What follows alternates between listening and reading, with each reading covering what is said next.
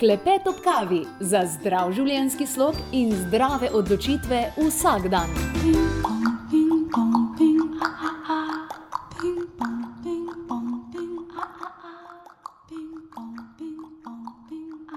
Zdravo, živo slavo. V tokratni epizodi boste spoznali Sibirijo Altaj. Kot veste, prepotovala sem svet dobesedno.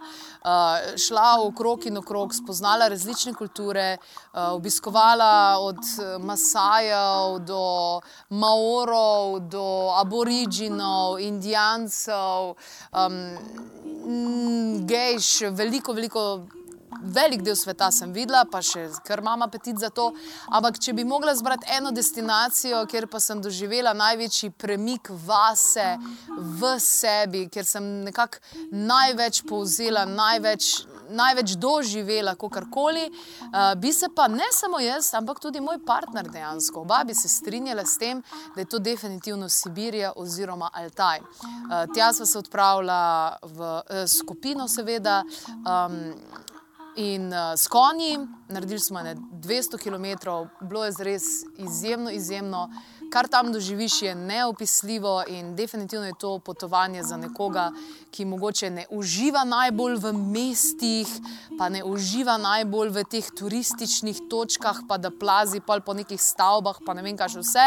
Ampak nekoga, ki želi resnično eno tako globoko izkušnjo povezanosti z naravo globoko izkušnjo prostranstva. Tam doživiš prostranstvo. Jaz sploh nisem vedela, kaj to prej pomeni. Dober.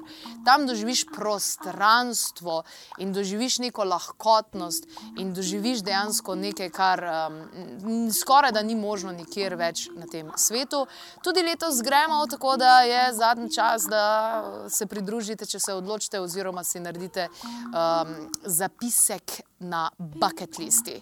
Spoznajte torej sansko destinacijo in destinacijo, na katero se bom vračala celo življenje, Sibirija Altaj. Klepet ob kavi.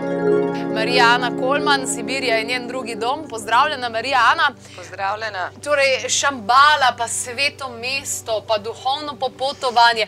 Ali je Altaj tudi geografsko gledano nekaj posebnega, ne samo preko teh uh, legend in, in takih in drugačnih stvari, takih mističnih? Uh, seveda je. Uh, geografska lega ga umešča v Centralno Azijo in Beluha, kot najvišja gora Sibirije, 4506 metrov je visok njen najvišji vrh Danone, to je tri glava gora s tremi vrhovi, eh, je enako oddaljena od vseh svetovnih oceanov, kar je pravzaprav zelo zanimivo, ampak ta ezoterična sporočila, mistične uh, imena uh, tega področja, pred, predvsem pa miti in legende, ki govorijo,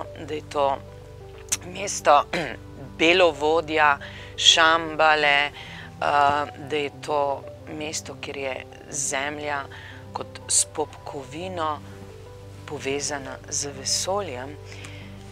Uh, so bili pravzaprav vse te informacije so mi bile pred mnogimi leti izziv, da sem začela raziskovati Altaj uh, najprej uh, po vsej možni literaturi, od interneta do različnih knjig, in naletela sem na zelo zanimive uh, razlage. Fenomena Altaj, če lahko tako rečem, šambale, tem južnem delu Sibirije, ki jih je podal, ne bo žverela, doktor znanosti s tremi uh, doktorati z področja meteorologije, geologije in mineralogije oh, wow. iz Univerze v Novosibirsku, do, dr. Dimitrijev, ki je pravzaprav začel raziskovati Altaj ravno zaradi te močne uh, ezoterične uh, dediščine, uh, mitologije, mističnosti in tako dalje. Uh, namreč v mnogih legendah, zgodbah, ki jih srečujem na Altaju, se omenjajo nenavadni dogodki, uh, čudežni dogodki in tako naprej. In znanstvenik je s tem dogodkom lahko dal neko uh, oprijemljivo razlago. Mhm. Razložil je namreč geofizikalne pojave, kot so limu, limonis, limoniscenca, ki se pojavlja na Altaju, uh, z posebno metodo uh, raziskovanja zemeljskih tal, je ugotovil izjemno vsebnost kristalov, zlata, žlahtnih kovin in tisto, kar je zelo pomembno, ugotovil je, da področje Altaja, zlasti pod Beluho, izjemno intenzivno odreagira na spremembe na Soncu. Wow, zanimivo. Tako da to, to so bile zelo zanimive, zanimive, zanimivi podatki. Sicer je dr. Dmitrijev znan po tej znani teoriji o zamiku zemeljske osi, uh, ampak poglej, jaz na Altaju doživljam pojav neznanih letečih predmetov. Pojav luminiscence, to pomeni kvanti, fotoni, ta bela svetloba, ki se kaže kot snopi, kot krogle, kot aura na gorah, cedri, pod beluho in tako naprej. In to niso neke, uh, neka videnja ali pa nekaj, kar bi bilo vem, ezoteričnega, ampak je dejansko dogajanje, ki ima svoje geofizikalne in kozmične zakonitosti. Tam uh, letala ne preletavajo, ne tisti? Ne, letal ni, to je področje, je, kjer ni telefonskih signalov, ni letal, vse si bila, ni civilizacije, ni planinskih koč, ni trgovin. Um, ni česar ni. A vendar toliko vsega je. Ne, od drugega. Ledeniška voda, ki je pravzaprav odlična hrana, ne, ni samo voda, ampak je hrana, neokrnjena narava. No in na teh mojih potovanjih uh, pod Beluho, na Ukok, na Telecko jezero, sem povsod uh, opazovala tudi te rastline, ki so mi pravzaprav uh, dale neko, neko spodbudo, da sem začela raziskovati tudi fitoterapevtski učinek teh rastlin. Pred mnogimi leti mi je prijatelj dr. Milušenko rekel, da vse rastline zaltaja, zlasti z tega južnega področja, uh, da imajo kar 12krat močnejše delovanje. In meni je bilo to najprej slišati kot uh, ne vem, neka. Za kako 12krat močnejše delovanje, recimo rožni koren, ki raste na uh, Karatureku, na tistih uh, zadnjih desetih metrih, na višini 3040 metrov, 10 metrov pod vrhom gore iz skale raste rožni koren. In resnično, kasneje, ko sem začela raziskovati, vsebnosti rastlin z teh področji, sem ugotovila, da je dejansko potenca rastlin z tega področja izjemno, izjemno wow. močna. A, zdaj, ljudje lahko a, to sansko destinacijo leta 2020, torej Altaj, a, obiščajo a, tudi na hrbtih kon. Uh, tako kot sem tudi sama to obiskala, spoznala, raziskovala. Um, in veliko ljudi reče, da torej moram biti izkušen jezdec. Ne, ni potrebno. Konji, uh, s katerimi potujemo iz te zadnje vasi Kučerle, uh, v, uh, čez prelaze v krogu do Ledenika oziroma do Akemskega jezera, uh, so šolani konji. Naš vodnik Arkadi je izkušen konjevodec, je sicer tudi veterinar, sicer pa potomec slavne družine konjevodcev, njegov prapradet je bil vodnik, vodnik konjevodec, znanstvenika Sapožnikova, ki je iz Sankt Peterburga, ki je za časa carske Rusije raziskoval floro, fauno in ledenike na področju Južnega Altaja.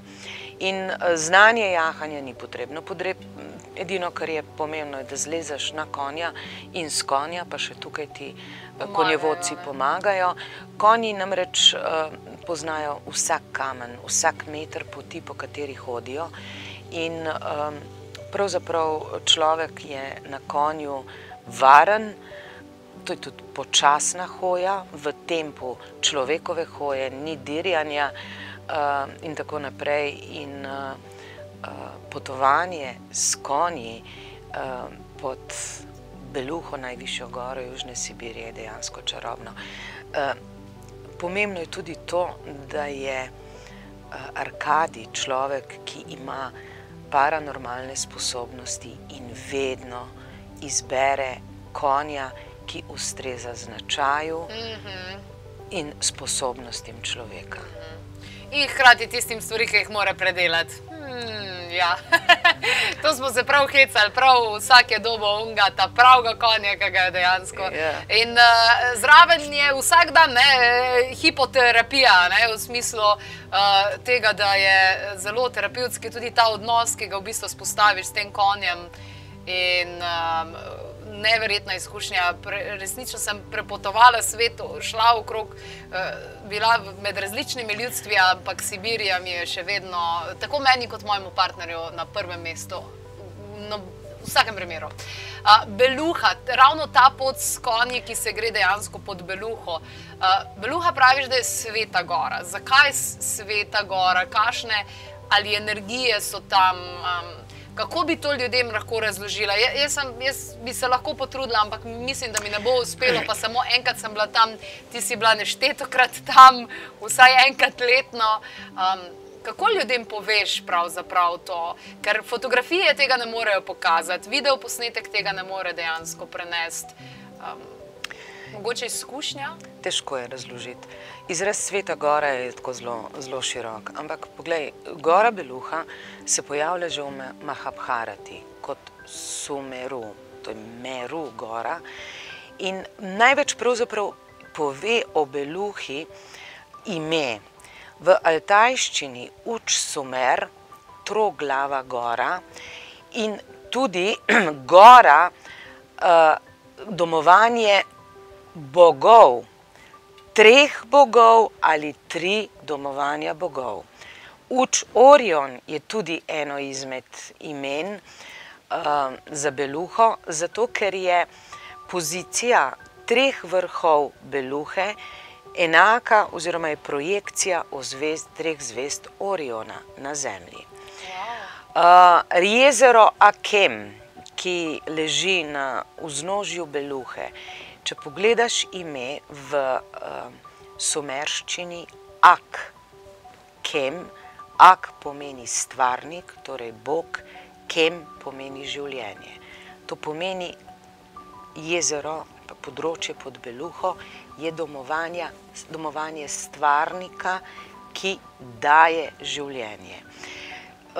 Zanimiva so ta imena v altajskem jeziku, ki pravzaprav kažejo na podobnost z imeni v semitski kulturi, eh, v sanskrtu in nakazujejo, da pravzaprav tisti ezoterični zapisi, da je to področje, kamor so prišli ali pa celo odkudar so prišli vsi narodi, in vsi veliki učitelji, mojstri, Buda, Laoce, Mojzes, Kristus, vsi naj bi bili na nekakšni inicijaciji na tem področju pod Beluho. Odlično. Tale trenutek imamo nekaj. Um, izjav, pravzaprav komentarjev eh, tistih, ki so eh, z nami eh, že potovali na Altaj. Naj povem, da je to eno izmed najtežjih vprašanj, zaradi tega, ker je z besedami resnično težko opisati, a vendarle poskusili smo in tole nastali. Za rojsten dan, 60. rojsten dan, sem se odločila, da naredim nekaj posebnega in doživim nekaj lepega z novimi energijami in zato sem se odločila to potovanje, ki sem ga je prav bilo namenjeno, ki sem zvedla prek vaše televizije. eh, ko sem Marijo Ano slišala na klepet ob kavi za Altaj in Beluho, mi je to poklicalo in ni bilo več razmišljanja, se gre ali ne gre. Eh, bil pa je poseben izziv pohod s konji. Za samo Beluho, pa za Altaj, pa sem pustila, kar se tukaj zgodi. Moje eh, vsakodnevno delo je povezano v prostorih in nimam več stika z naravo. In to se mi je zdela taka lepa priložnost, da prijem spet prvobitnosti v stik z njo. In pregovorilo me je, ali pa nagovorilo, način, kako je predstavila Marija Ana Polman, Altaj. In zdaj, ko smo že skoraj na koncu poti, lahko rečem, da je to res eno krasno potovanje k pristnosti, k prvobitnosti, v deželo ljudi, ki so v meni neznani, tuji, samo v šolskih klopih poznani. In da je to, kakor človek vzame pot k sebi, duhovno potovanje. Vedno sem hotel doživeti taka prostranstva. Um, in um, Altaj ima to kvaliteto prostranstva, narave, tako res neukrnjene.